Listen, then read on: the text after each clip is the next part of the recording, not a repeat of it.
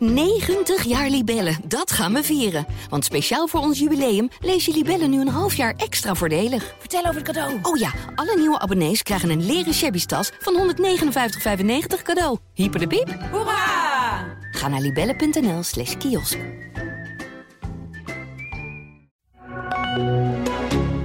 Is de AD Voetbal Podcast met Etienne Verhoef. Bekerstunts, netten in de Kuip, Quincy P. en Ten Hag uitermate succesvol. Dit is de AD Voetbalpodcast van 12 januari met Mikos Schauka. En Mikos, gisteren zei ik met Johan al, die bekerstuntjes, ehm, ze zitten er altijd aan te komen. Dit was er eentje. Ja, Willem den Dekker. Die kan zijn leven lang eh, gratis winkelen in eh Groesbeek is het hè, de treffers. Ja, precies. Die kan op de buurt eh, barbecues en, en dergelijke eh, later altijd nog vertellen. Ja, wacht even, toen ik dat Cambuur uit de Eredivisievelden. En ik maak er nu een- misschien een grapje van, of zo, zo klinkt het. Maar het is natuurlijk wel zo. Het is, het, is, het is het hoogtepunt van een amateurvoetballer natuurlijk. En het amateurvoetbal is veranderd in de loop der jaren. Maar als jij verantwoordelijk bent voor het uitschakelen van een Eredivisieclub... dan kent iedereen je nog. Ja. Nou ja, ik, Over 20 jaar, over Ik was, 15 eh, jaar. Over, ik was, gisteren sprak ik een paar mensen eh, bij Excelsior in het stadion. En dan ging het over eh, VVSB, dat ooit dan eh, hè, zover kwam in het bekertoernooi. Iedereen herinnert zich nog die reportage van die jongen die een doelpunt had gemaakt en die nog bij de HEMA werkte. Dat zijn van die dingen Ja. die mensen altijd onthouden, hè? Ja, dat klopt. Het is natuurlijk wel iets veranderd. Hè? De, de amateurvoetbal waren vroeger natuurlijk echt... eh, ja, ik heb er zelf in gespeeld. En, en wij hebben ook eh, tegen pro- profclubs gespeeld. Maar wij trainden twee keer in de week en de jonkies drie keer. En, en wij, ja, we zaten op school en eh, ja, de jongens werkten allemaal. Nu zie je natuurlijk wel, het zijn natuurlijk geen profs, maar het is wel eh, met contracten. Er wordt Ja. geld verdiend en eh, dus het, het zit wat dichter tegen het profvoetbal aan. Maar ik, ik kan me herinneren dat ik, ik mocht als eh 17-jarige mee naar Haarlem uit. Waar Piet Keur speelde en Barry van Galen en Mhm. zo. En eh, toen zat ik in die, in die kleedkamer. Er ging een belletje. Dat vond ik al heel wat. Dat had ik nog nooit meegemaakt. Een belletje om het veld op te gaan. Ja, en ik, wat mij vooral toen zo opviel is... eh, zonder dat de mensen nou moeten gaan denken dat ik een, fenomenale voetballer was. Maar dat dat, dat, dat gras zo... eh, dat was zo kort gemaaid en zo nat. Dus Ja. Ik had alleen van die kleine dopjes. En geen schroefdoppen. Dat had ik in de jeugd nooit gedragen. Dus ik dacht, ik ga de hele tijd uitglijden straks. Dus daar maakte ik me vooral zorgen om. Ik dacht, ik kom er straks in. Ik kwam er overigens niet in. Ik heb alleen warm gelopen. Maar ik dacht, ik ga straks, ik ga straks de hele tijd uitglijden. Daar heb ik helemaal geen rekening mee gehouden. Nee, nee maar dat... maar, maar dat zijn wel dingen die, eh, ja, die bij supporters van zo'n amateurclub... eh, en het amateurvoetbal heeft het al moeilijk, maar wat een leven lang blijft hangen. Hè. Zo, zo, ik Ja. kan er nog een eh voorhalen. ja? Heer- 1984 was ik niet zelf bij betrokken, maar 1984 won Heerjansdam van FC Groningen. Heerjansdam is inmiddels ver weggezakt als amateurclub. Maar met 3-2 van het best wel grote FC Groningen. Hè, met eh Adrie van Tichelen en volgens mij zit Peter Houtman er ook in. Alleen nu zei ik net, je weet altijd nog wie de goals hebben gemaakt. Maar van eh, Groningen kon ik ze nog terugvinden. Maar, Maar van? Heerjansdam weet ik niet meer. Weet Oh. ik, niet, ik ken die spelers nog wel, want het waren bekende amateurvoetballers. Maar ik weet niet wie verantwoordelijk waren voor die drie goals. Ze wonnen trouwens met 3-2 en gingen daarna naar Ajax, verloren ze met 6-0. Mhm. Ja, dat is, natuurlijk, dat is natuurlijk legendarisch als je dat mee kan maken. Maar is dat het, even voor, voor mijn gevoel? ook- Ik weet nog wel dat vroeger inderdaad bekervoetbal, amateurvoetbal, de hoofdklasse A zaterdag, daar heb je zelf in gespeeld. Dat was natuurlijk dan altijd een ding als dan echt iemand uitschakelde. Maar heb je het gevoel dat het dan minder is omdat het nu... Ja, toen kreeg ze natuurlijk ook betaald, alleen was het in een envelop. Eh, en nu eh, staan ze netjes onder contract bij een club. Maar heb je het gevoel dat dat veranderd is? Dat gevoel? Ja, omdat het zat- zaterdagvoetbal, zondagvoetbal is natuurlijk samengevoegd. Ja. En eh, ik heb wel het idee dat het niveau al wat omhoog is gegaan. En vroeger was het wat regionaler, het, het amateurvoetbal. Dus, en je ziet veel spelers die net afhaken bij het betaald voetbal of daar niet genoeg in kunnen verdienen. Die, die, ja, die kunnen toch nog in het amateurvoetbal, in het hoogste amateurvoetbal wat verdienen. Dus ik, ik denk wel dat het iets, iets anders is dan, dat het, dan dat het vroeger is. Dat het misschien ook niet meer zo aanvoelt als een stunt. Maar ja, toch de treffers wat dan Cambuur op bezoek krijgt. En ja, dat is toch gewoon eredivisie. Hè? Het is niet de beste ploeg in de eredivisie. Maar ja, en, en, je weet, eh Ulte die is daar waarschijnlijk niet heen gegaan met het idee van kan mij die beker schelen. Want je weet, als je deze ook verliest en je gaat in de, na die nederlaag tegen Volendam. Ja, dan ga je als trainer wel een hele, hele moeilijke start tegemoet. Ja. Dus het blijft, het blijft wel uniek. En vooral omdat vaak die clubjes zo gevolgd worden door het eigen, eigen dorp. Hè? Want ja, eh, ik ga op zaterdagmiddag niet naar, eh laten we pakweg, eh Rijnsburgse Bos. Je hebt, je hebt veel in de Bollenstreek gezeten Ja. natuurlijk. Toen je, ja, daar ga, ik, daar ga ik niet kijken. Behalve dan als ik er woon of ik, of ik ken de spelers die in het eerste spelen. Dan zou ik er gaan kijken. Maar ik kom zelf uit Maassluis. Ja, vroeger ging je naar Excelsior Maassluis kijken. Ja. En, en dan kende je de spelers die in het eerste speelden. Dat is denk ik wel erg veranderd. Omdat, ja, ik denk uit het, uit het dorp zelf, van veel clubs spelen geen jongens meer of weinig. Dat, dus ze zijn veel meer gaan scouten ook. En veel meer gaan aantrekken van mensen uit de regio, voetballers uit de regio. Maar het blijft denk ik toch nog wel iets unieks. Maar ik denk iets, iets minder speciaal dan dat het, uh, dan dat het een jaar of 20, 30 geleden was. Ja, maar we hebben het over de treffers. Maar laten we het ook even hebben over Cambuur. Want je noemde het al, George Ulte, die begint aan deze klus. Hè, werd ooit gezien als een kroonprins in het betaalde voetbal. Omdat hij ooit met Den Haag had gewerkt en dat soort dingen. Bij Fortuna één goed jaar had. Daarna ontslagen. En bij Cambuur niet een heel lekker begin. Nee, en dan is het natuurlijk niet in één keer een, een, eh, een, slechtere trainer dan dat hij was. Of misschien is hij toen te hoog ingeschaald. Maar ja, dat soort trainers komen nou eenmaal uh, bij clubs waarbij het kwartje wel of niet goed valt. Het is niet zo dat Sjurs Ulte van Cambuur, uh, en je, mag hem ook, je moet hem ook een kans geven. Hè. Ten Hag begon ook slecht bij, zijn, uh, bij, bij, Manchester United. En zelfs bij Utrecht en zelfs bij Ajax was het, was het even zoeken. Dus hij heeft daar echt wel tijd nodig. Alleen ja, Cambuur is nou eenmaal een ploeg die een beetje rond de onderste plaatsen zou kunnen spelen als het een beetje tegen zit. Dus ja, zo'n trainer heeft maar een paar opties en die pakt hij dan ook meteen aan. Ja, en, en als het twee, drie keer achter elkaar misgaat, dan is het, is het gezien uh, in het betaald voetbal, omdat hij ook geen naam heeft als ex-betaald voetballer. Dus dan moet je het heel erg goed hebben gedaan uh, uh, die, die, eerste paar keer en dan, en dan steeds gestaag omhoog. Maar ja, dit is natuurlijk een ramp voor hem. Hij pakt Cambuur op omdat hij denkt, ja, wat komt er straks anders? Hè? Zo eerlijk moet je ook zijn. Ja. En, en ja, als je dan meteen van Volendam verliest met 0-3 en je verliest nu van de treffers, ja, dan is het vertrouwen natuurlijk helemaal weg. Dat wil niet zeggen dat hij het niet meer om kan draaien, maar ja, goed. Nee, hij kreeg nog keeper, kreeg nog een rode kaart. Natuurlijk ook nog in de 93 minuut bij Cambuur, dus het zit er allemaal niet mee. Daar waar ze hebben negen goals, hè? Ja. Negen goals gemaakt. Gewoon. Ja, heel weinig doelpunten. En dan zie je bijvoorbeeld nu Emmen, dat wint dan uiteindelijk met 3-2 van VVV. Stond lang ook nog, uh, dat was ook een kantje bordwedstrijd. Maar die pakken dan wel in die extra tijd die goal. Uh, en daardoor uh, zie je in ieder geval, stonden ook voor. Dan komt het wel 2-2 en die, worden, die winnen met 3-2. Maar die hebben dan wel dat vertrouwen wat ze pakken, zeg maar. Ja, dat, dat, ik denk dat het. Kijk, Emma gaat natuurlijk de beker normaal gesproken niet winnen. Nee. En, en, en, en Cambuur ook niet. Dus het is ook niet zo dat je natuurlijk nu een heel seizoen in duigen ziet vallen. Maar ja, het is wel, als je bij een amateurclub verliest, krijg je gewoon een kanaal. Als je als Emmen zijnde kan je natuurlijk bij VVV wel verliezen. Dat is ook, ook wel zo. Maar goed, op weg naar wat je nog wil bereiken, is het gewoon heel belangrijk dat je in ieder geval vertrouwen blijft denken. En dat, dat, het, uh, ja, dat het geen item wordt. Hè? Want ja, bij Cambuur is dit nu een item natuurlijk deze week. Ja. Iedereen gaat daarover, gaat daarover beginnen. Nou, Emma houdt in ieder geval uh, dat buiten boord. Ik heb, een, ik heb een paar jaar lang Sparta gevolgd. Die verloren, die speelde toen een keer ook tegen Volendam. Uh, die speelde toen Eredivisie. Volendam speelde de Eerste Divisie. En volgens mij, het, uiteindelijk eindigde het op strafschoppen. Maar ik kan me herinneren dat, ja, dat vooral die mensen die toen bij Sparta werkten. Volgens mij was dat Danny Blind nog als technisch directeur. En Westerveld keepte er. Dat die vooral zeiden, ja, eh, we winnen die beker niet. Maar we moeten zorgen dat, dit, dat we gewoon geen stress hebben, omdat uh, iedereen erover begint, omdat we door een eerste divisieclub zijn uitgeschakeld. Nou ja, dat moet je nu voorkomen. En bo, ja, het andere uiterste is natuurlijk dat er een beetje geld te verdienen valt. Kijk, als je de ja. volgende ronde Ajax thuis loopt of Feyenoord thuis dan heb je een vol huis. En dan kun je ook nog eens een be beetje van jezelf laten zien. Want dat vond ik mooi aan wat FC de Bos vooraf vertelde. Ja, die, die dachten toch wel een hoop mensen te trekken die niet vaak meer naar Den Bos kwamen, naar, de, naar, de, ja. naar FC Den Bos. En als je dan iets moois laat zien, ja, dan heb je natuurlijk wel kans dat mensen zeggen, nou ik ga nog een keer kijken. Ja. Als het niks is, dan, dan, dan laat je ook heel veel liggen. Ja, dat is waar. Overigens opvallend um, dat um, bij Ajax stonden wat uh, jonge, andere jongens in de basiselftal. Uh, bij PSV gebeurde dat ook. AZ, gewoon volle oorlogsterkte tegen Excelsior. Hè? Het leek een beetje op alsof ze dat gelijke spel wilden wegspoelen en in dat vertrouwen weer wilden komen. En dus gewoon Pascal Jansen dacht, weet je wat, zoveel mogelijk jongens die uh, normaal basisspeler zijn neerzetten. Nou, dat vind ik ook wel terecht, omdat het is een beetje achterhaald dat die beker er een beetje bij hangt. Hè? Het is een hartstikke grote kans om, uh, om snel in Europa te geraken. Uh, het is een mooie kans om echt iets van het seizoen te maken. En bij AZ, uh, ja, ze doen mee met de bovenste plaatsen, maar er zal niemand op rekenen dat ze landskampioen worden. Hè? Het is niet uitgesloten. Ik moet goed opletten, want ze luisteren natuurlijk ja. in Alkmaar. Maar, maar ja, dan is die beker is natuurlijk hartstikke belangrijk. En als, je, als, als alle sterke clubs er nog in zitten, uh, Slot zei dat vandaag nog, ja, alle sterke clubs zitten er nog in, dus het is moeilijk. Maar dat maakt het misschien ook wel weer makkelijk, want de volgende ronde kan het zomaar uh, AZ, Ajax en, uh, en, en, PSV Twente zijn. Ja, als jij dan toevallig wel als Feyenoord zijnde een, een, een makkelijke loting hebt, ik noem maar iets, je speelt thuis tegen de NEC of... Of, of de treffers in dit geval, ja. Nou ja dan, ja. Dan, dan zijn de grote concurrenten worden geëlimineerd en jij kan door. Dus ja, het, het, vaak is het bekertoernooi ook een beetje een kwestie van gunstig loten.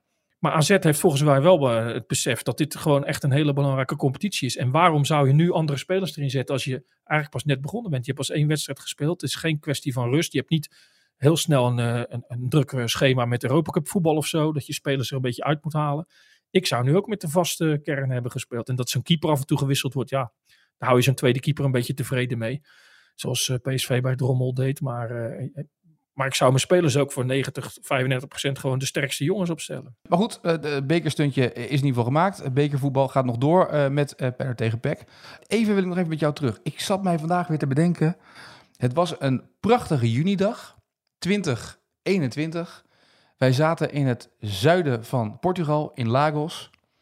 En ik denk dat dat de eerste keer in jouw leven is geweest dat jij echt een enorme drugsdealer, een kookdealer hebt uh, geïnterviewd, achteraf gezien, of niet?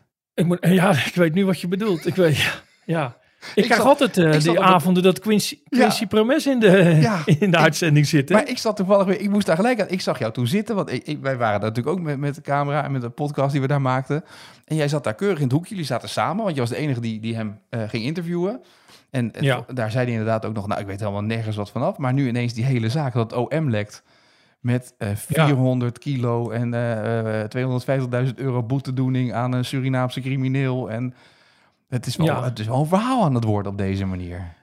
Nou heb ik wel ook uh, heel lang het amateurvoetbal verslagen. En ook clubs uit, uit Schiedam en ja. Vlaardingen. Het is, dus ik, ik heb er wel wat oh, voor mijn klapblok gehad hoor. Ja. Ik heb ook wel eens een speler geïnterviewd. Ik zal zijn naam niet noemen. Misschien heeft hij zijn leven gebeten. Maar die moest wel voor negen in thuis zijn. En die had ook een enkelband om. En oh. ja, jongens, jongens die ook wel met wapens en zo in, in, uh, in, in aanraking waren geweest. En uh, ja, bij amateurclubs weet je dat natuurlijk, hè, dat, dat, dat het doorloopt. Maar ik snap wat je bedoelt. Ja, ik zit daar een international van Oranje te interviewen. Ik weet ook totaal natuurlijk helemaal niks van die zaak. Maar nee. ja, dit soort, dat, is, dat was gewoon echt een hele aardige jongen en een heel leuk gesprek. En ik ben ook bij hem op bezoek geweest in Sevilla. Idem dito. Ja. Dus ja, mijn ervaringen zijn heel positief met hem. Maar uh, ja, dat zegt natuurlijk niks van wat er, uh, wat er allemaal nog kan gebeuren. En, nee, maar ik vind het wel echt, los van die steekpartij die we hadden, maar een ripdeal om 400 kilo cocaïne, een boete van 250.000 euro aan Piet Wortel, of die nou wel of niet kent. En hij zegt zelf, wat is dit allemaal volgens een advocaat? En wat krijgen we nou? Het is onzin, maar het OM lekt ook niet zoiets. Er komt niet sowieso naar buiten bij het OM, denk ik dan altijd maar. Nee, ja, het, het moet ook allemaal bewezen worden. Ja. Maar ja, daar heb je gelijk in. Maar ik weet eigenlijk niet zo heel goed wat, wat ik erover moet zeggen. Ja, nee, ja het is natuurlijk een hele pikante ja. zaak. Die jongen zat zelfs nog in het Nederlands elftal toen het hem uh, uh, werd verweten. Ja, ja het, het zou uh, goed zijn, denk ik, als, als, als er eindelijk uitspraak komt. En dat er duidelijkheid is. En dan nog, ja, daar hebben we het laatst over gehad. Want zoals ik zei, ik krijg altijd alle vragen over Quincy Promes. Ja, maar jij bent nu de Quincy Promes watcher bij ons. Dat, dat is ook zo... Dat, je bent ook de enige die weet, die er alles van weet. Hij zit in Rusland, dus, ja. dus uh, we, krijgen hem, we krijgen hem ook niet hierheen. Nee. Ik vraag me wel af hoe dat dan werkt. Stel dat ze hem veroordelen, hè, maar dan lopen we alweer uh, ver op de zaken vooruit. Maar, en je speelt Europees voetbal, dan kan je ook niet uh, uitwedstrijden meedoen nee, natuurlijk. dan, dan kan je weer aangehouden worden, ja. Bijna elk land loop je het risico natuurlijk dat je, behalve Wit-Rusland uit, maar dat, ja. je van, ja, dat, je, dat je uit vliegtuig meteen in de bus wordt gezet. Ja. Maar ja, het is natuurlijk een hele, hele, ja, het is een hele aparte zaak. Dat een profvoetballer die zo hoog in de, in de hiërarchie stond en in het Nederlands elftal zat en bij Ajax speelde en zo, dat hem dit uh, verweten wordt. En ja, ik heb geen idee wat er van klopt, maar uh, ja, wat jij zegt, het zal wel niet voor niks. Aan de andere kant, ja, je bent pas schuldig als het allemaal, ja, uh, als het allemaal bewezen maar het moet toch ook een gek gevoel zijn voor jou, toch? Als je, ook, als je dan, ik zie nog steeds, moet je dan terugdenken aan die zomer in ja, 2021. Maar eigenlijk, Eigenlijk ook weer niet, omdat het, de scheidslijn tussen uh, criminelen en, en gewone mensen, heb ik altijd begrepen, is niet zo heel groot. Dus ik heb wel, wel, wel uh, mensen gesproken waarvan je dan later dacht van zo, nou die hebben dat en dat gedaan. Dus, maar ja, die, die, in, het, in het omgang viel het allemaal reuze mee. Het is natuurlijk niet zo dat, dat die uh, altijd heel boos zijn of een wapen trekken. Of, uh, of nee, nee of, dat, is waar, dat is waar. Veel wat. Nee, ja, dat is waar. Daar, had, daar hadden we nog Dennis de Kloeze, hè, de directeur van ja. Feyenoord. Die heeft natuurlijk bij Huizen gevoetbald. We hadden het net over top amateurvoetbal. Ja. Daar speelde hij. En daar speelde op het middenveld ook Fred R. Ja. Fred, uh, we hebben het wel eens meer genoemd. Fred Ros. En dat was de, dat was de kroongetuige. Hè. Die leeft nu, leeft nu ergens op de wereld onder een andere identiteit. Uh, misschien luistert hij wel, dat kan natuurlijk wel. Ja, dat kan. Maar, maar dat, dat, was een, dat was een ploeggenoot. En hij zei ook, ja, dat was natuurlijk een hele aardige gozer. Het waren wel aparte dingen. Hè. Hij kwam wel eens met, uh, met, met, met ik geloof, 50.000 euro. En zei hij tegen de terreinknecht of tegen de, de fysiotherapeut, hou jij dit even bij. Ik ga even anderhalf uur trainen, hou jij dit even bij je. Ja, daar, daar zag je dat, dat er aparte dingen, hè. hele dure wagens kwam die mee aan. Maar uh, ja, hij zei ook, het was, het was best een leuk seizoen. Die gozer was uh, gezellig en uh, ja... Gaf nog eens een rondje. Ja, gaf zeker nog eens een rondje. Maar ja, er zit natuurlijk ook een hele duistere kant aan. En dat, dat, daar, moet je natuurlijk de ogen niet voor sluiten. Er zijn natuurlijk ook hele ja. gezinnen die daar, die daar heel veel uh, narigheid van hebben ondervonden. Maar in zo'n voetbalwereld, uh, dat is natuurlijk wel een wereld waar ook veel criminaliteit loopt. Ik weet nog dat ik ooit begon bij West in de journalistiek. Dan had je uh, in Den Haag kreeg je een zaalvoetbalteam. Dat was Trimeur. En die werden gesponsord door de Partyboot. Die lag dan aan de Neerkade volgens mij. En dat was een drugsboot. En de eigenaar van de Partyboot was John Sloof. En die was eerst uh, hoofdsponsor, toen technisch directeur en later ook trainer van dat zaalvoetbalteam. Had zo'n typische Haagse mat, wat ik me nog kan herinneren. En die werd toen ja. Eh, verdacht of gepakt voor, voor uh, smokkel van cocaïnepasta. Uh, 4100 kilo of zo. Er gingen ook hele wilde verhalen over al het geld dat die voetballers zouden krijgen. Want die gingen van Boonga Melatti naar Trimeur. En dan zouden ze enorme geldbedragen cash krijgen. En toen moest ik die avond ook naar Trimeur toe, want hij was opgepakt. Dus ja, als je trainer is opgepakt of je technisch directeur, ga je verhaal halen. Dus ja. ze ook, nou kom je hier met die camera, moet je kijken of je me helemaal de held naar buiten krijgt. Dan dacht ik, mm, misschien dat we dit niet gaan doen. ik was 21. Ja, ja, ja. Je, je, stapt toch een hele duistere wereld in. Maar de, in de voetballerij, ja, dat is bekend natuurlijk. Hè? Dus, daar zit heel veel. Ja. Uh, de scheidslijn is daar nog dunner dan in het gewone leven. Ja. En uh, ik heb als amateurverslaggever ook wel eens gevraagd waar, de, waar een spits van een bepaalde club was. Zal geen naam meer noemen, ook niet van die club. Is wel al jaren geleden. Misschien heeft die man al lang kinderen en weten ze dat allemaal niet. Maar dat was een speler die op dinsdag nog trainde. En dan op woensdag of dinsdagavond in zijn auto stapte. En drugs over de grens bracht. En uh, ja, dat kwam, was hij vaak donderdag weer terug om op tijd te trainen. Zaterdag speelde hij zijn wedstrijd. En zo ging dat elke week totdat hij dus een keer tegen de lamp was gelopen. Ja. En, en een tijdje niet meedeed. En dan sta je daar als verslaggever en dan zeg je, joh, waar is uh, Pietje Puk? waarom speelt hij niet? Dan krijg je hele, hele moeizame gesprekken natuurlijk. Want er is niemand die zegt, nou ja, die zit even achter slot en grendel. Dus dan, ja, daar moet je eigenlijk dan weer niet naar vragen. En dan sta je daar voor drie, vier tientjes uh, een verslag te maken. En dat is, dat is moeilijker dan in het betaald voetbal. Hè? Want ja. daar krijg je alles aangereikt. Er wordt alles verteld wat de speler mankeert. In het amateurvoetbal heb ik ook meegemaakt dat spelers drie goals maakten. En ik heb het geloof ik zoals eerder verteld. En die zei dan, ja, maar het moet even niet in de krant. Hè? Want ik zit in de ziektewet. Mijn baas mag niet weten dat ik vandaag gespeeld heb. Precies, ja. Dus, maar die wilden ze dan wel in het eindklassement erbij, die drie goals. Want ja, dan konden ze topscorer van de regio worden. Of van de regio Rotterdam, noem het maar op. Ja, ja we kunnen er een boek over schrijven. Uh, alleen... Dan moet, je wel, dan moet je wel voortdurend over je schouder kijken, ben ik bang. Ja, dat denk ik ook, ja. Uh, overigens, uh, laten we even over de uh, overstap maken naar de Kuip. Feyenoord Pek. zal ik jou ja. eens wat vertellen? Ik, ik kreeg een heel raar telefoontje gisteren. Peter Houtman is er niet in de Kuip vanavond. Niet ziek, toch? Nee, maar hij was afwezig. Zijn vervanger had ook griepverschijnselen. Dus ik werd gebeld of ik wilde ja, spiekeren in de Kuip. ik heb natuurlijk nog nooit gespiekerd. Had ik, in de, had ik in de pak ernaast gestaan natuurlijk. Maar ik wilde eigenlijk nog bellen. Als jij nou in een koentjepak gaat, ga ik wel spiekeren. Ja. ja. Maar ja, ik kon het niet Maarten Wijfels aandoen om zo lang te wachten natuurlijk met de podcast opnemen. Want voordat ik dat stadion uit ben, is het echt middernacht. Dus Betaalt ik dacht, nou, dat een beetje, spiekeren? Ik heb, ik heb, geen idee. En volgens mij is, krijg je twee roze koeken en een koud broodje kroket, leer ik altijd in de Kuip. Maar ik... Nou, dan was, het was heel... ze maar lekker zelf. Maar goed, jij, uh, was, waren ze in, in Rotterdam nog een beetje teleurgesteld over de houding van Twente? Zeker, zeker, ja. Dus ze verwijten het Twente niet omdat je, nou ja, niet onderrekkerd, omdat Twente natuurlijk zelf mag bepalen of ze, hebben het eerder over gehad ook, ja. of ze spelen wel of niet, of ze die laten vertrekken.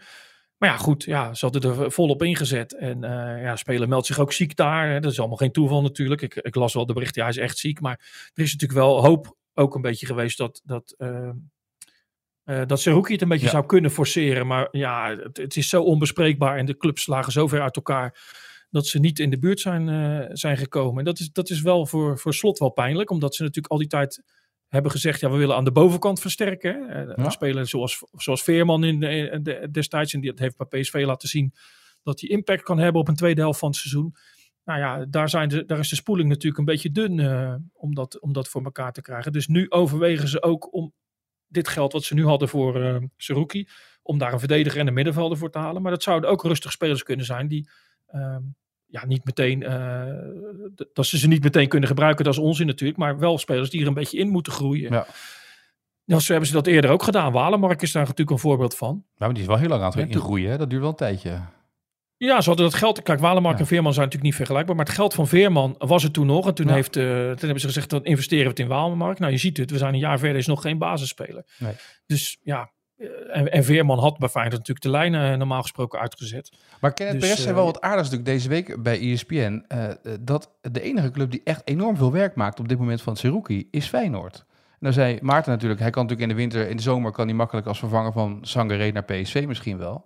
Maar het is nou ook ja. niet zo dat Twente, dat, dat ik nu 27 clubs hoor die allemaal Tsuruki willen halen.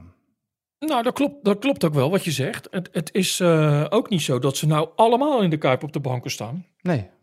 Dus, dus er is ook wel een, uh, een stroming die vond dat, dat ja, Zerouki wel een goede speler, maar ja, wel voor een bepaald bedrag. Maar Slot ziet in hem iets uh, ja, waar, waarin hij denkt dat Feyenoord daar meteen beter van, van wordt. En het, het is ook wel een goede voetballer, maar je moet natuurlijk ja, hij moet precies passen. Het is ook niet zo dat als hij naar een wedstrijd van Twente gaat kijken, dat je denkt, nou, dit is de speler die in no time eh, in de Serie A of La Liga of in Premier League uh, gaat spelen. Maar het is wel een hele goede, bruikbare speler. En volgens slot precies het puzzelstukje wat zijn van ploeg nodig heeft. Maar wat jij zegt is terecht. Uh, het is niet zo dat er nou massaal, ja, tenminste voor zover wij weten, natuurlijk massaal jacht op wordt gemaakt. Ja, je, bij, bij Bazoer, ja. je had natuurlijk dat PSV informeerde naar Bazoer en Feyenoord informeerde naar Bazoer. En ja. vorige winterstop met Veerman was, waren er ook twee of drie clubs actief mee bezig. Uh, ja. Die zou inderdaad ook maar kunnen met, zeggen, PSV heeft ook 40 maar, miljoen binnen voor Gakpo. Die weet ook dat Sangaré volgend jaar weggaat. Maar die hoor je niet, ja. bijvoorbeeld. Nee, klopt. Die hebben natuurlijk wel dat geld hard nodig. Hè, want daar ja. moesten ze verkopen. Maar Bazoer is ook wel weer apart. Want er zaten wel de grote clubs werden daarin genoemd. En van de zomer was het in één keer heel moeizaam voor hem ja. om weg te komen. Is uiteindelijk ook nog in gesprek geraakt met Feyenoord. En die gaven hem uiteindelijk een, een aanbod van een soort van, uh, een soort van statiegeld kon hij nog verdienen, -huh. cynisch gezegd. Dus, die, dus ja, die dacht in een half jaar tijd is er ook heel veel veranderd. Dus die, dus die, uh, dus die deed dat niet meer. Maar trainers zien dat soms toch anders. Ik kan me herinneren dat Fred Rutte Charon Sherry heel graag wilde hebben. Ja. En toen zei ze ook bij ja dag, uh, Sherry Groningen, nee, nee. En nu later, ja, zie je hem toch in die Champions League spelen. Ja. En er zijn er toch veel mensen die zeggen, ja, dat was inderdaad misschien wel een speler die Feyenoord uh, verder had kunnen brengen. En, en Rutte zei toen vooral, ja, als hij hem in de winter haalt, is hij in de zomer meteen, zeg maar, in de voorbereiding, is hij meteen top. Ja. Maar ja, wat Feyenoord nu vooral wilde, is een speler die meteen, uh, ja, die haal je op donderdag, vrijdag traint hij mee. En op zaterdag of op zondag is hij meteen een van de beste spelers op het veld. Dat, dat idee hadden ze met Seruki. En ja, dat gaat, dat gaat niet lukken. En dat maakt het wel heel uh, fragiel, want Kukshu bijvoorbeeld staat uh, op vier gele kaarten. Ze gaan naar Groningen toe. Eén ja. gele kaart, hij is geschorst voor de klassieker die die vorig jaar ook al miste. Vorig seizoen ook al miste. Ja, en dan? Dan heb je natuurlijk niet zomaar uh, andere spelers. Hè? Dus ook ja. in de breedte was het belangrijk geweest dat er iemand kwam. En dus ik denk dat ze wel een beetje haast moeten maken nu. Met een fitte speler die misschien niet meteen aan de top van de selectie zit. Maar wel iemand die ze kunnen gaan gebruiken. Ja. En daar hebben ze ook fouten mee gemaakt. Hè? Met ja, Bassett en Hendricks. Ja. was geen niveau. Nee, dat klopt. Dus ja, dus je moet ook wel kijken of hij ook voor de toekomst een speler heeft waarvan je in ieder geval weet, ja, die gaat wel, uh, die gaat wel het niveau uiteindelijk brengen. Ja, want Walemark heeft natuurlijk ook geld gekost, maar heeft ook nog niet waargemaakt voor dat bedrag, hè, eigenlijk, als je het gaat omrekenen. Nee, je ziet bij hem wel flarden, maar ik ja. moet zeggen, toen die kwam, werd ik door uh, zaakwaarnemers gebeld en die zei, nou fijn, het haalt nu echt een stunt uit, want dit is een speler voor dat en dat niveau. Uh, ik zal, ja, ik zal het niet meteen het niveau noemen, maar toen dacht ik, nou fijn, het heeft ze allemaal um, gepasseerd, dat is heel knap. En het is wel een speler waar je bij Flarden van ziet van nou, die kan wat. En het kan ook wel dat hij er nog komt. Hè. Slot zei vandaag nog, Sinistera deed er ook 2,5 jaar over voordat hij kwam. Had hij, had hij overigens niet helemaal gelijk in, want er zat in die 2,5 jaar een kruisbandblessure van een jaar. Mm -hmm. Dus hij was wel sneller nog uh, dat hij aan, uh, aan tikte bij topniveau. Maar Walemark, ja, daar, ma daar mag nog wel een, uh, daar mag nog wel iets, een onsje meer bij. Ja, voor de, voor, voor, voor de verwachtingen die, waar die destijds mee is aangetrokken. Ben je al aan het oefenen, vroeg ik me af? Voor de pak weer? Nee, uh, kijken door netten heen. Want je krijgt natuurlijk zometeen ja. uh, Feyenoord-Ajax in de Kuip. En er wordt ja. nu, worden netten nu gespannen dat niemand meer wat op het veld kan gooien. Dus dat betekent ook bij voor de jou... Maar de Europa Cup hebben ze het. Ik heb er eerlijk gezegd geen, uh, geen last van. Okay. Maar, maar ik zit er misschien ver genoeg vanaf. Ik weet niet of, of het een probleem is als je er dichterbij zit. Nee, nee, maar dat niet. is wel een, dat is wel een, goed, een goed punt. Kijk, Sjoerd schreef een, een, een scherpe column over. Hè? Mm -hmm. En ehm, ja, daar zit natuurlijk heel veel waarheid in. Het, het, enige puntje waarin ze bij Feyenoord dan zeggen... want die vinden ook eigenlijk ook wel dat er een grote kern van waarheid in zit. Ja, eindigt die column dan met hoe we het op moeten lossen. Want eigenlijk weten ze dat niet. Eigenlijk weten ze niet hoe ze het op moeten lossen. En natuurlijk, maar ja, nou als je DJ erin nou zet... Sjoerd te vragen hoe ze het moeten oplossen bij Feyenoord. dat is... Nee, dat is natuurlijk ook zo. Daar is Sjoerd niet voor. Nee. Alleen, uh, nee, en wij schrijven ook vaak dat het aankoopbeleid kloot is. En dan zit ik er ook niet meteen bij welke spelers ze wel hadden moeten halen. Zo is ja. het ook. Maar het is natuurlijk niet een, een, een heel makkelijk op te lossen probleem. Nee. Uh, en en um, ja, kijk, zo'n DJ, dat snap ik ook. Hè? Die, die, die gooit, die gooit de, de pompende beats erin. Daar, ja, daar kun je natuurlijk als blinde van zeggen. Of als iemand die er weinig van weet ja, kijk eens, die, die pompt het op. En, en, dat is natuurlijk ook zo. Mensen raken in een soort van... Uh, ja, trans, ja. Ja, ze proberen natuurlijk al mensen heel vroeg naar het stadion te krijgen, zodat er genoeg gefouilleerd kan worden. Zodat niet iedereen buiten staat als er spelersbussen aankomen. Ja, noem alles maar op. Er is echt wel over dingen nagedacht. Alleen ja, het pakt niet altijd uit zoals je wil. En ik, ja, ze komen inderdaad met tassenvuurwerk binnen. Blijkbaar is dat niet zo makkelijk te fouilleren. Maar als je naar Feyenoord gaat, iedereen komt daar natuurlijk een uur voor de wedstrijd tot uh, vlak voor de wedstrijd. Alles moet in dat uur worden gedaan. Blijkbaar slagen ze er niet in om, uh, om goed te fouilleren. Of, of ze durven misschien niet te zeggen, ja, uh, wat, wat is die grote vuurpijl die je daar in je achterzak hebt? omdat, de mensen, omdat de mensen die binnenkomen misschien niet, uh, niet altijd even vriendelijk daarop reageren. Maar het is best wel een moeilijk probleem waar veel clubs natuurlijk mee worstelen. Ja. En, ja, en, en, en, en Feyenoord, die zit er heel erg met die klassieker in de maag organisatorisch. Ook maar zijn ze zo bang er dus nu voor dat, dat, dat er wat mis zou gaan, omdat het nu uh, Feyenoord Ajax met publiek is in, in de Kuip? Ja, dus ze zijn er wel bang voor. Ja, dat, dat, kijk, het is alleen thuispubliek, maar ze, zijn, ja, ze weten natuurlijk dat het een, een beladen wedstrijd is, een beetje opgefokte wedstrijd. Hè, staan nu ook nog eens bovenaan, dus er gaat, gaat, ja, gaat echt wel uh, spanning op zitten. Dan komt Berghuis nog een keer voor het eerst in de Kuip voetballen, althans in het shirt van Ajax. Ja, het zijn allemaal ingrediënten die. Uh, dus heel lang is er geen wedstrijd met publiek geweest, een klassieker in de Kuip. Dus, dus die mensen willen heel graag. Dus ze voelen wel dat er een uh, bepaalde sp spanning op zit. En ja, dat, dat, dat maakt het natuurlijk wel, uh, wel lastig. En dat ze nu ook net ophangen achter de dugouts. Ja, dat heeft natuurlijk te maken met het feit dat ze bij Lazio Roma vanaf die plek ook heel veel op het veld hebben gegooid. Ja. En straks in de volgende ronde van de Europa League. Uh, moet er natuurlijk een heel groot deel achter het doel uh, ja. moet leeg blijven. Hè? Bijna alles. Maar die mensen, die mensen zijn niet gestraft, althans indirect wel. Maar dat vak moet leeg. Maar het is niet zo dat als Piet op, vak, op stoel uh, Vijf zit, 15 ja, zit precies, in ja. vak S, dat hij niet mag komen. Dus die, die losse verkoop, of die verkoop begint straks weer. En het zit niet in je seizoenkaart. Ja, die kopen gewoon een kaartje voor een ander vak. Dus die komen ook weer aan, aan, aan kanten te zitten waar het normaal rustig is en zo. Dus de UEFA straft wel, maar lost dat probleem natuurlijk op die manier niet op. Ze, los, ze geven Feyenoord daarmee natuurlijk een, een douw financieel gezien. Ja. Maar de mensen die in die vakken zitten, die, die, worden daar, die, ja, die komen gewoon wel het stadion in. Die gaan wel die wedstrijd kijken. Het zijn vooral de mensen die uh, ja, denken, ik wil eens eens in mijn leven een wedstrijdje in Europa van Feyenoord zien. Die komen niet aan een kaartje, omdat er veel minder kaarten zijn. Ja. Maar het is gewoon een lastig, het is gewoon een lastig probleem. En uh, van de zijkant is het natuurlijk, en daar is, dat, dat deed Sjoerd verder prima hoor, maar is het natuurlijk altijd makkelijk om te zeggen, ja, dit gaat niet goed en dat gaat niet goed. Maar de oplossing is ook niet zo heel makkelijk. Nee, en zeker niet als mensen katheters het veld opgooien. Want dat hebben we natuurlijk nog nooit gehad. Dat was de laatste keer. Nou uh, ja, ja. Sarri die zei letterlijk van ja, ik heb in de, in, de, in de Premier League gewerkt en in de Serie A, ik heb alles wel meegemaakt, maar dit is, een, dit is geen voetbalstadion, dit is een mental hospital, zei hij. Dit is, dit is, deze mensen, ja, dit kan gewoon niet wat hier gebeurt.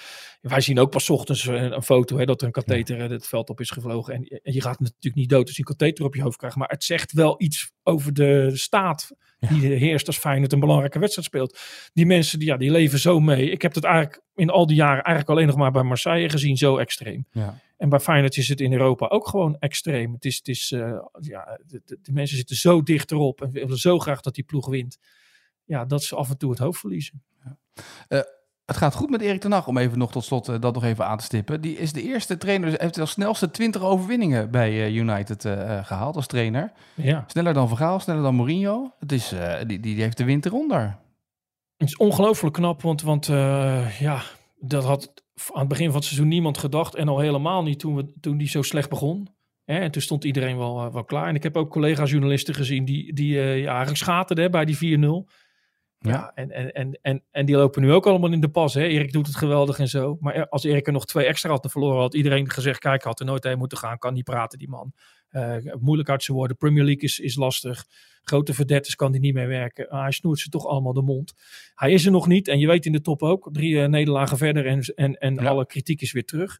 Maar wat hij tot nu toe heeft gedaan is echt buiten, buiten verwachting. Dus ja, echt wel knap. We gaan naar de vraag van vandaag.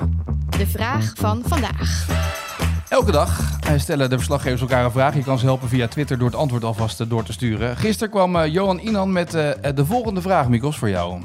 Ik wil van Mikos graag weten wie de hoogst geclasseerde, nog actieve voetballer is op de all-time topscorerslijst van het bekertoernooi.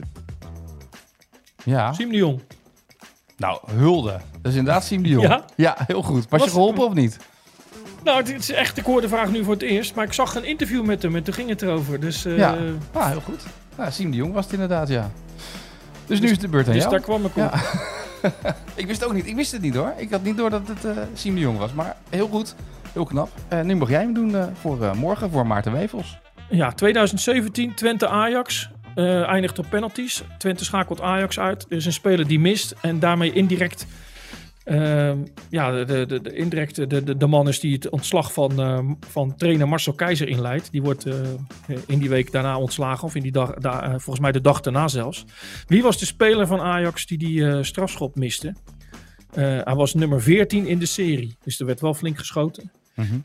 En het is, het is, een bekende naam, dus je hoeft niet te zoeken in, in de brute rosés en zo van, van de wereld. Die overigens veel eerder speel, bij Ajax speelde, maar het is een bekende naam. Oké. De man die dus de beslissende strafschop miste bij uh, Twente Ajax voor de beker of Ajax Twente was volgens mij. Twente Ajax, Ajax Twente, ja, wat was het? Twente, Twente, Twente Ajax. Ja, Twente en Ajax, daarmee uh, ervoor zorgen dat Marcel Keizer een schop onder uh, zijn kont kreeg. Ja, mooi. dat is de vraag van vandaag voor morgen. Je mag Maarten helpen als je het antwoord denkt te weten. Stuur even een berichtje via Twitter naar Maarten Wijfels of onder het bericht van deze podcast. Dan kunnen we het allemaal terugvinden. Dus je mag Maarten hierbij helpen. Migos, ik wens je een mooie dag en tot de volgende podcast. Oké. Okay.